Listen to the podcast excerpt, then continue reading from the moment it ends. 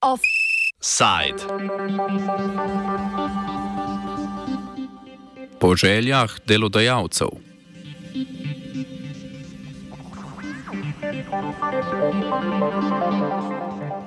Parlamentarni odbor za notranje zadeve se je konec prejšnjega tedna seznanil z osnutkoma nove strategije za integracijo tujcev, ki niso državljani članice Evropske unije, in osnutkom posodobljene migracijske strategije.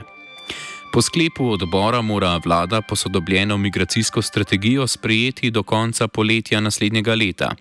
Strategijo vključevanja tujcev bi morala vlada že sprejeti. Po noveli zakona o tujcih, ki jo je parlament sprejel aprila, bi namreč vlada morala to strategijo sprejeti v roku šestih mesecev od uveljavitve zakona.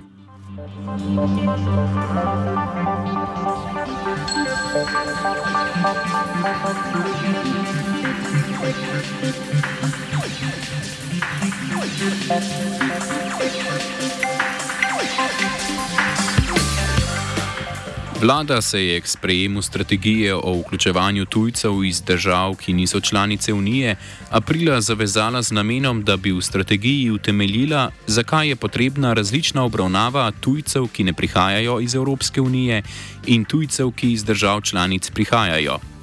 V novelo zakona je notranje ministrstvo, potem ko ga je prevzel Boštjan Poklukar, vrnilo domislico vlade Jane Zajanše, po kateri morajo tujci, ki niso iz držav Unije, za podaljšanje dovoljenja za začasno prebivanje zaradi združitve družine izpolniti pogoj znanja slovenskega jezika na vstopni ravni.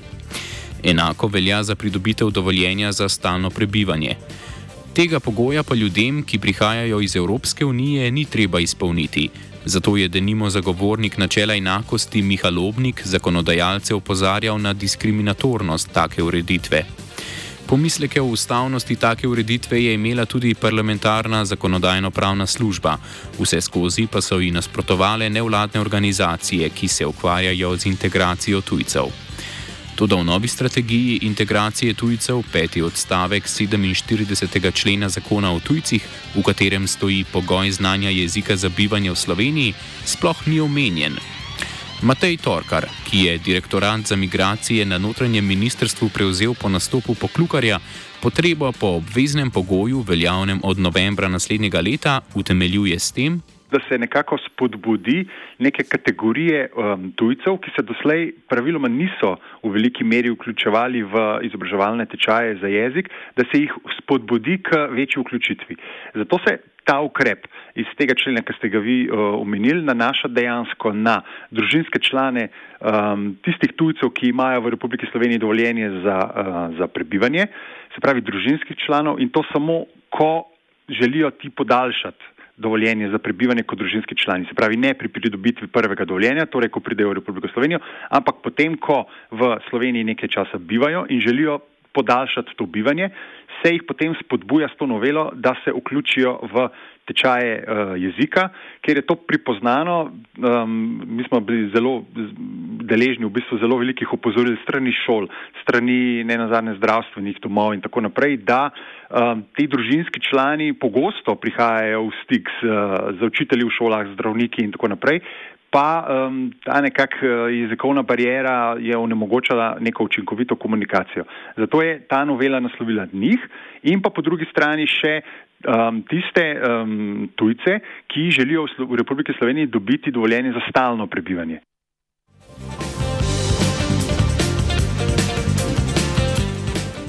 Čeprav to, kar govori o spodbudi, je pogoj znanja jezika pogoj, obvezen pogoj. Je pa res, da nova strategija predvideva razširitev in prenovo programov jezikovnega izobraževanja.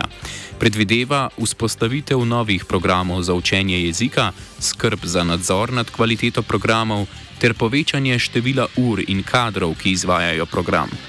Pri tem bo posebna skrb namenjena temu, obljublja strategija, da se ljudem z različnim jezikovnim predznanjem zagotovi tudi različno izobraževanje. Pri izpolnjevanju jezikovnega pogoja, za katerega je treba upraviti tudi pisni izpit, imajo denimo begunci iz Sirije neprimerno težjo nalogo, kakor priseljenci iz območja nekdanje Jugoslavije. Kot pojasnjuje Torkar, se izobraževalni programi že prilagajajo. Lahko rečem, da um, Urad za oskrbo in integracijo migrantov, ki je v Republiki Sloveniji tista institucija, ki izvaja integracijske programe za vse kategorije tujcev, uh, že, je že v maju izvedla nov razpis uh, in uh, pridobila se pravi večje število organizatorjev teh jezikovnih tečajev. Ti organizatori so v bistvu institucije oziroma neke um, organizacije, če želite, ki to izvajajo na trgu kot tržno dejavnost in so potem se prijavili na ta razpis um, in kot izbrani uh, izvajalci potem so uh, upravičeni do um, sofinanciranja oziroma do financiranja tistih delov programov, uh, ki jih izvajajo za tujce.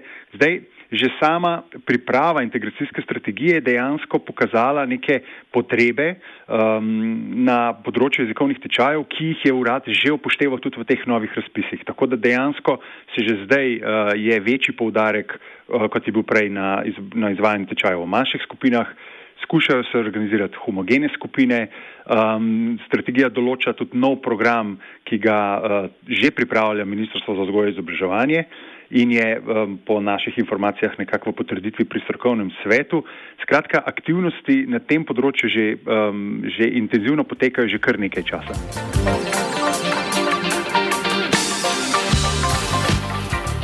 Sicer znatna sredstva za prenovo izobraževalnih programov strategija predvideva v letu 2025, a je to po pojasnilih Torkarja nekaj, kar je že v izvajanju. Fokus pri pripravi obeh strategij je bil zdaj na integracijski strategiji, zato je osnutek migracijske strategije manj dodelan. Poudarek v tem, v tem zadnjem obdobju je bil predvsem na integracijski strategiji, ker je vezana na zakonski rok, uh, torej v zakonu o tujcih in mora biti sprejeta nekako do konca oktobra. Integracijska strategija je dejansko, uh, bom rekel, že v, v relativno končni fazi.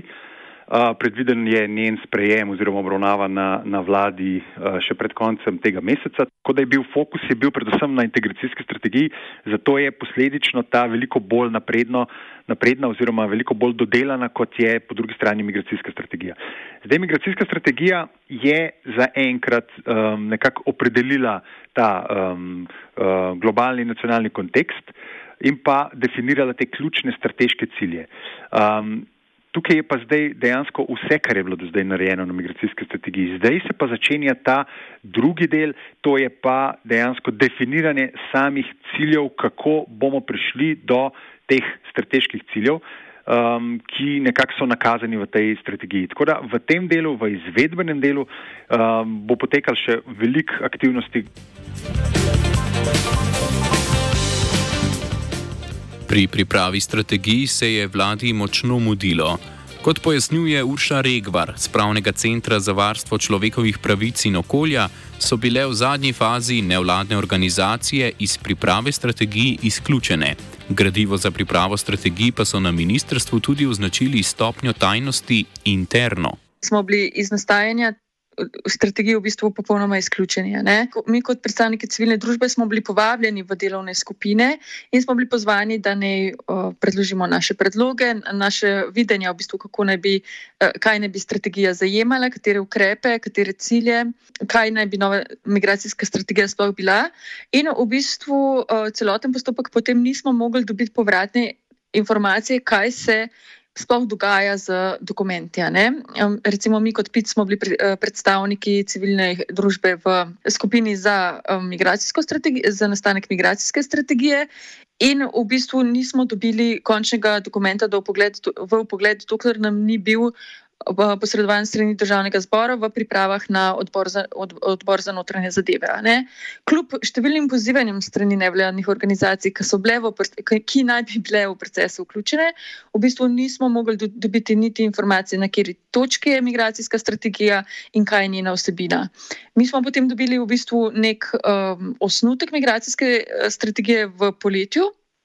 Um, in smo potem dobili zelo kratek rok, da ga uh, komentiramo. Vložili smo v sam postopek v bistvu 17 strani um, vsebinskih komentarjev. In potem, ko smo videli v bistvu končen rezultat tega tik pred odborom, smo videli, da noben od teh komentarjev v resnici bil, ni bil upoštevan. Tako da mi ocenjujemo, da ta naša domnevna, v bistvu, domnevno sodelovanje v, v samem procesu sprejemanja strategije, da je bil izključno in samo navidezen.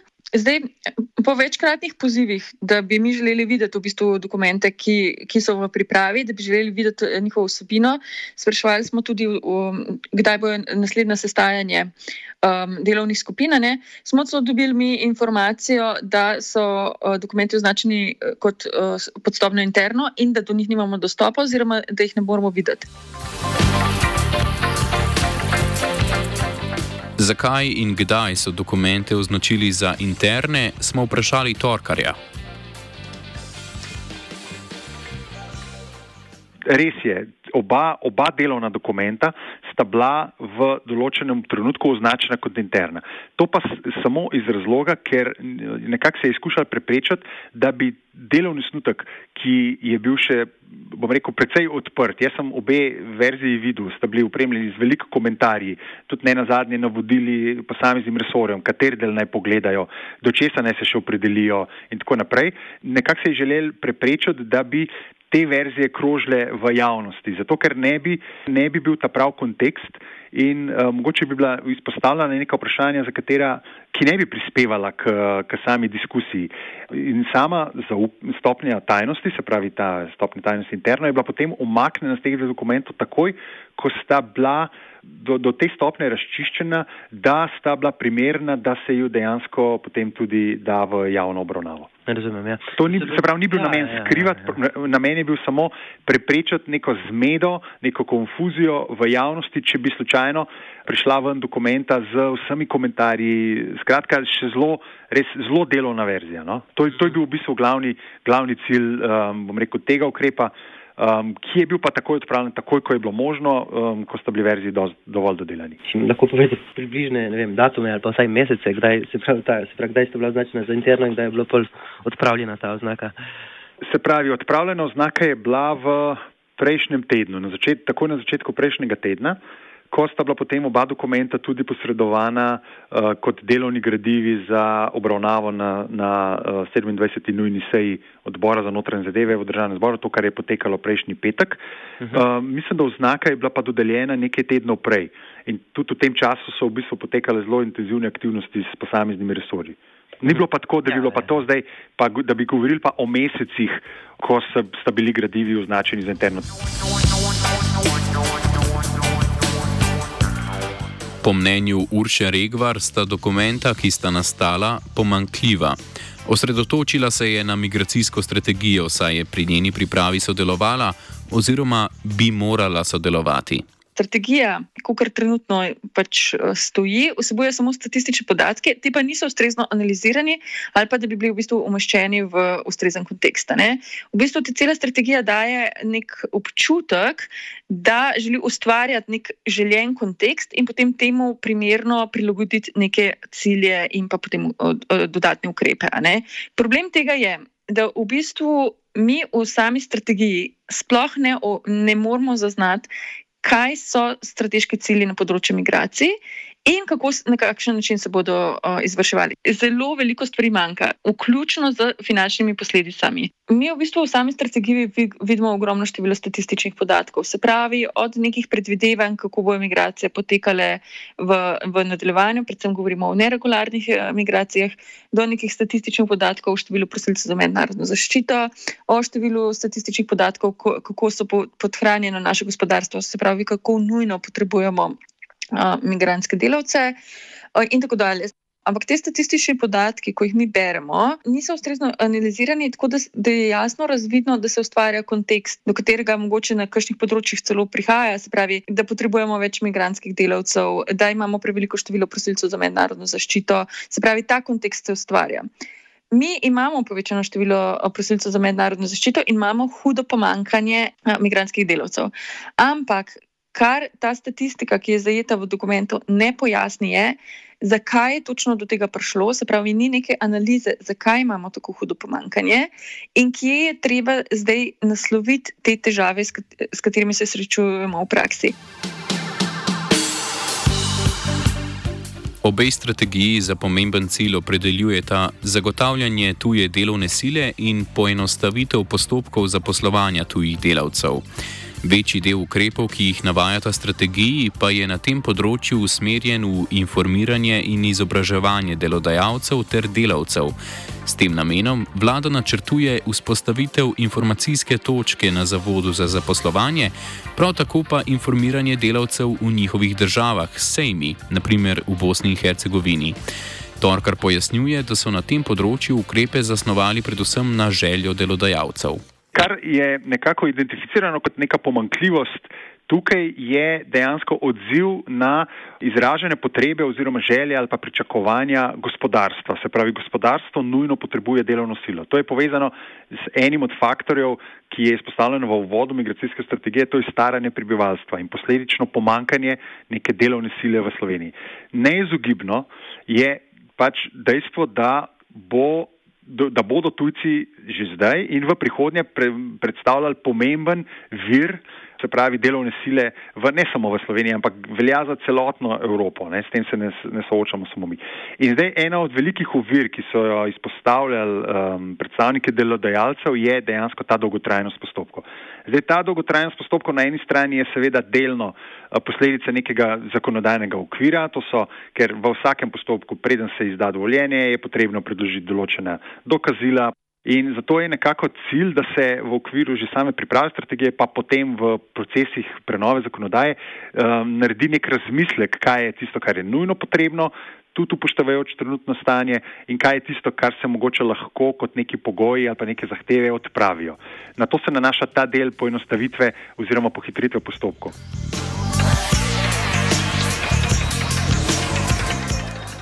V migracijski strategiji je z namenom olajšanja in poenostavitve postopkov pridobivanja vseh potrebnih dovoljenj za tuje delavce predvidena tudi vzpostavitev oziroma razširitev hitrih postopkov za zaupanja vredna podjetja. Liberalizacijo delovne zakonodaje je na enak način vlada uvedla že v interventni zakon za odpravljanje posledic poplav.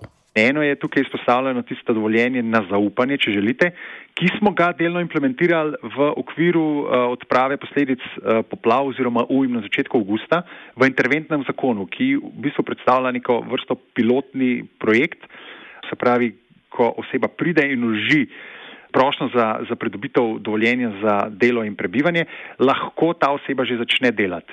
Uh, in tukaj dejansko je zdaj zaenkrat to predvideno samo za posledice poplav in ujm, se pa lahko ta model seveda potem v prihodnje uporabi pa tudi kot nek standarden model uh, za uh, posamezne segmente oziroma posamezne poklice, kjer recimo primakuje največ uh, delovne sile. Zato je to definirano kot eden od konkretnih ukrepov v strategiji.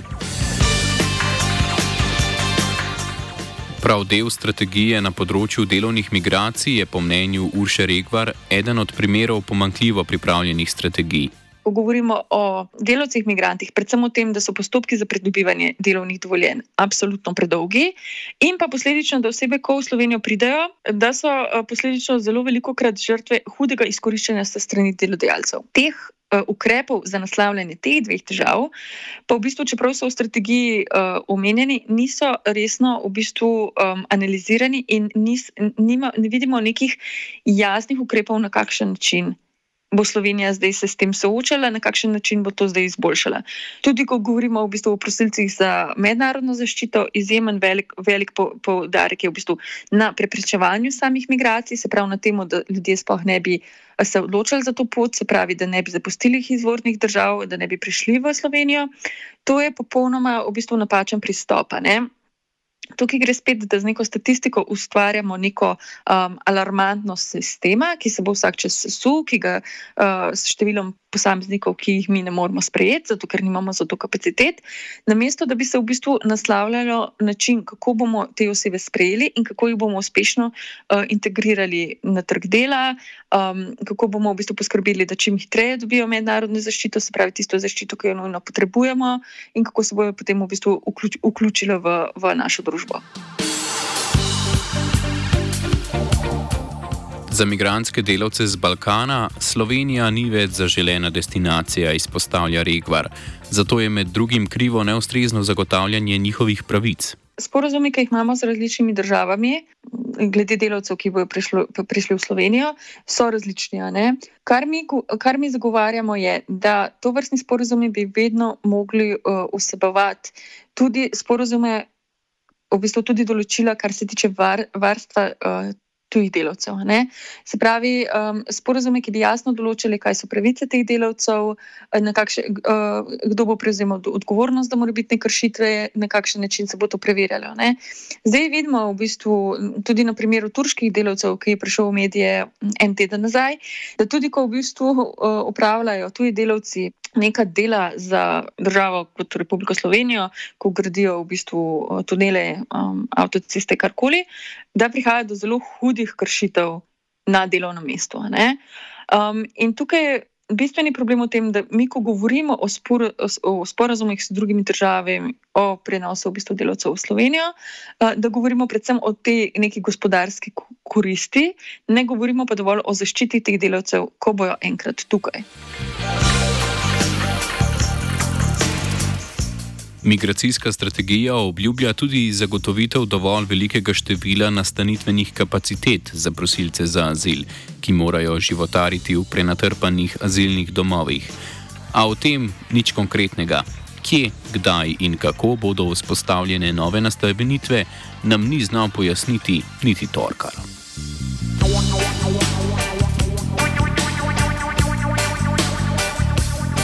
Offside je pripravil Martin.